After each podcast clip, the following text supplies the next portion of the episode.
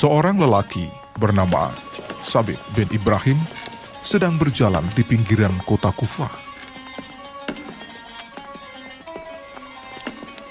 Tiba-tiba ia melihat sebuah apel yang jatuh keluar pagar dari kebun buah-buahan.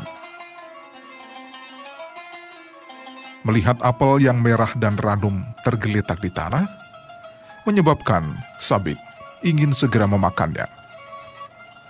Apalagi hari sedang panas dan ia sangat kehausan. Maka tanpa berpikir panjang, dipungut dan dimakannya buah apel itu. Tapi baru setengahnya dimakan, dia teringat bahwa buah apel itu bukan miliknya dan dia belum pernah mendapat izin dari pemiliknya. Maka ia segera pergi ke dalam kebun buah-buahan itu hendak menemui pemiliknya agar menghalalkan buah yang telah dimakannya itu. Di kebun, dia bertemu dengan seorang lelaki. Maka ia langsung berkata, Saudaraku, aku sudah makan setengah dari buah apel ini. Aku berharap Anda menghalalkannya. Orang itu lalu menjawab, Aku bukan pemilik kebun ini. Aku hanya ditugaskan merawat dan mengurus kebun ini. Lalu di mana rumah pemiliknya? aku akan menemuinya dan meminta agar dihalalkan apel yang telah kumakan ini. Begitu kata Sabit. Pengurus kebun itu menjawab, Jika kau ingin pergi ke rumahnya, maka kau harus menempuh perjalanan yang sangat jauh. Jaraknya sehari semalam dari tempat ini. Sabit bin Ibrahim tetap bertekad akan pergi menemui pemilik kebun apel itu. Tidak ada masalah, saudaraku. Aku akan tetap pergi menemuinya meski rumahnya sangat jauh. Aku telah memakan apel yang tidak halal ini karena tanpa seizin pemiliknya. Bukankah Rasulullah Shallallahu Alaihi Wasallam sudah memperingatkan kita lewat sabdanya? Siapa yang tubuhnya tumbuh dari sesuatu yang haram, maka ia lebih layak menjadi umpan api neraka.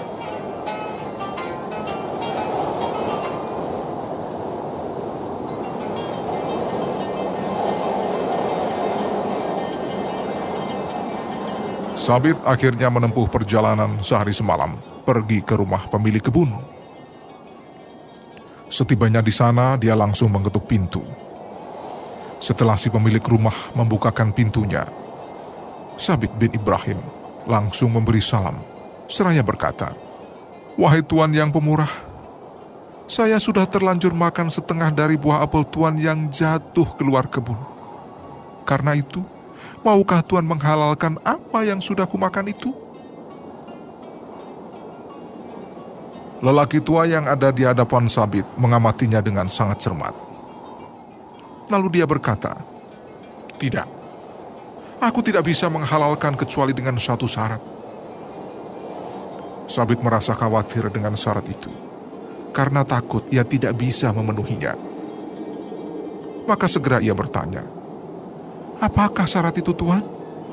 Pemilik kebun itu menjawab, Kau harus mengawini putriku.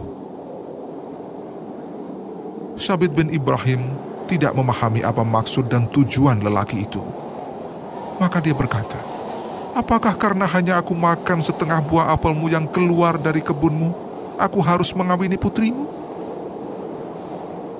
Tetapi pemilik kebun itu tidak menggubris pertanyaan Sabit. Ingat, Sebelum pernikahan dimulai, engkau harus tahu dulu kekurangan-kekurangan putriku. Dia seorang yang buta, bisu dan tuli. Lebih dari itu, ia juga seorang yang lumpuh.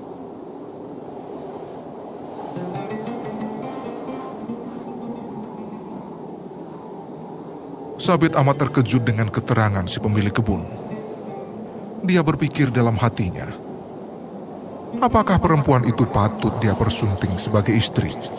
Gara-gara setengah buah apel yang tidak dihalalkan kepadanya?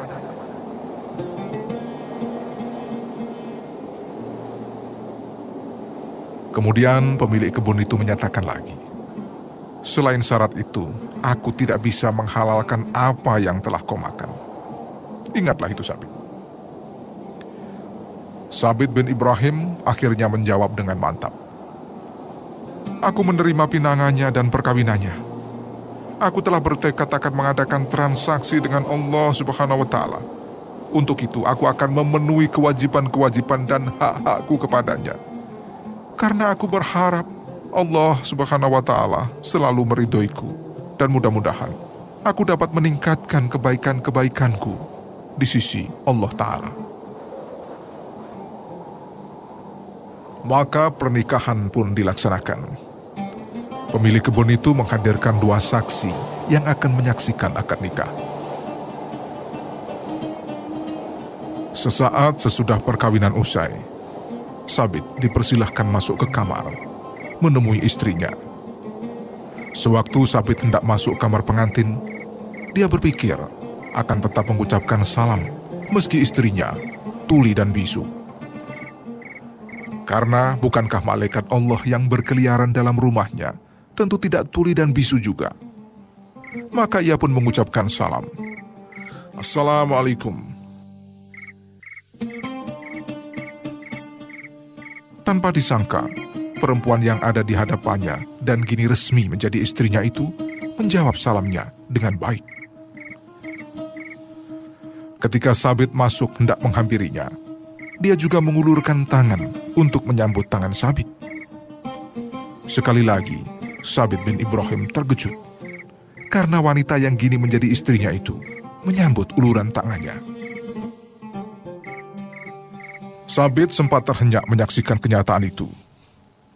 Dalam hati ia berkata, Kata ayahnya, dia wanita tuli dan bisu. Tapi ternyata dia menyambut salamku dengan sangat baik. Jika demikian, berarti wanita yang ada di hadapanku ini dapat mendengar dan sama sekali tidak bisu. Ayahnya juga mengatakan bahwa dia buta dan lumpuh. Tapi ternyata dia menyambut kedatanganku dengan ramah dan mengulurkan tangannya dengan mesra.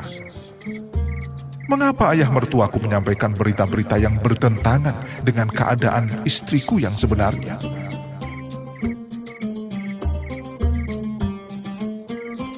Setelah Sabit duduk di samping istrinya, maka dia bertanya, Ayahmu mengatakan kepadaku bahwa engkau buta.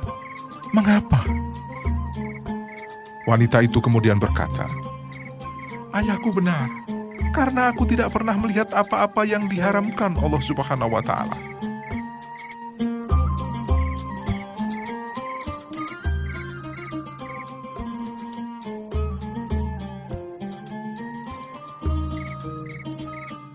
Lalu ayahmu juga mengatakan bahwa engkau tuli.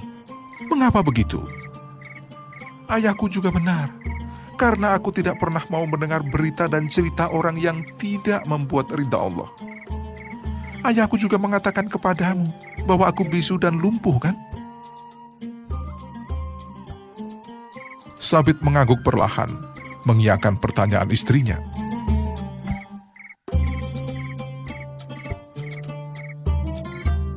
Selanjutnya, wanita itu berkata, Aku dikatakan bisu, karena dalam banyak hal aku hanya menggunakan lidahku untuk menyebut asma Allah Ta'ala saja.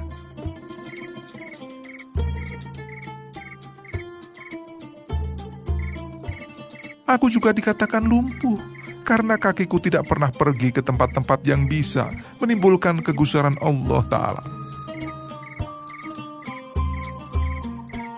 Sabit bin Ibrahim amat bahagia mendapatkan istri yang ternyata amat soleh dan amanah memelihara dirinya.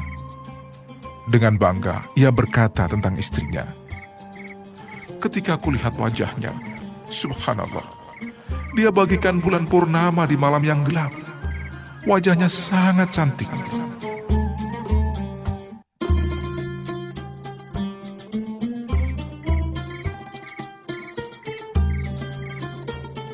Selama puluhan tahun, Sabit bin Ibrahim dan istrinya yang soleha dan cantik hidup rukun dan bahagia. Mereka dikaruniai seorang putra yang ilmunya memancarkan hikmah ke seluruh penjuru dunia. Namanya Al-Imam Abu Hanifah Anu'man bin Sabit.